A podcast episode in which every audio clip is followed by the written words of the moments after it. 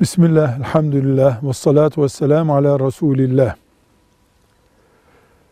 Bir kıyafet sadece sokakta ve kadının bedenini açık gösterecek şekilde üretilmiş ise, bu kıyafeti satan Müslüman, bir kadının Allah'ın haram ettiği bir şekilde sokakta yürümesine sebep olacak demektir harama yardım ediyor demektir. Bu ticaret caiz değildir.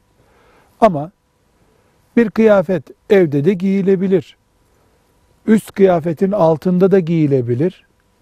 Bayan onu açıkta giyebilir. Çok ihtimalli. Bunun satışı için aynı şeyi söz konusu etmeyiz.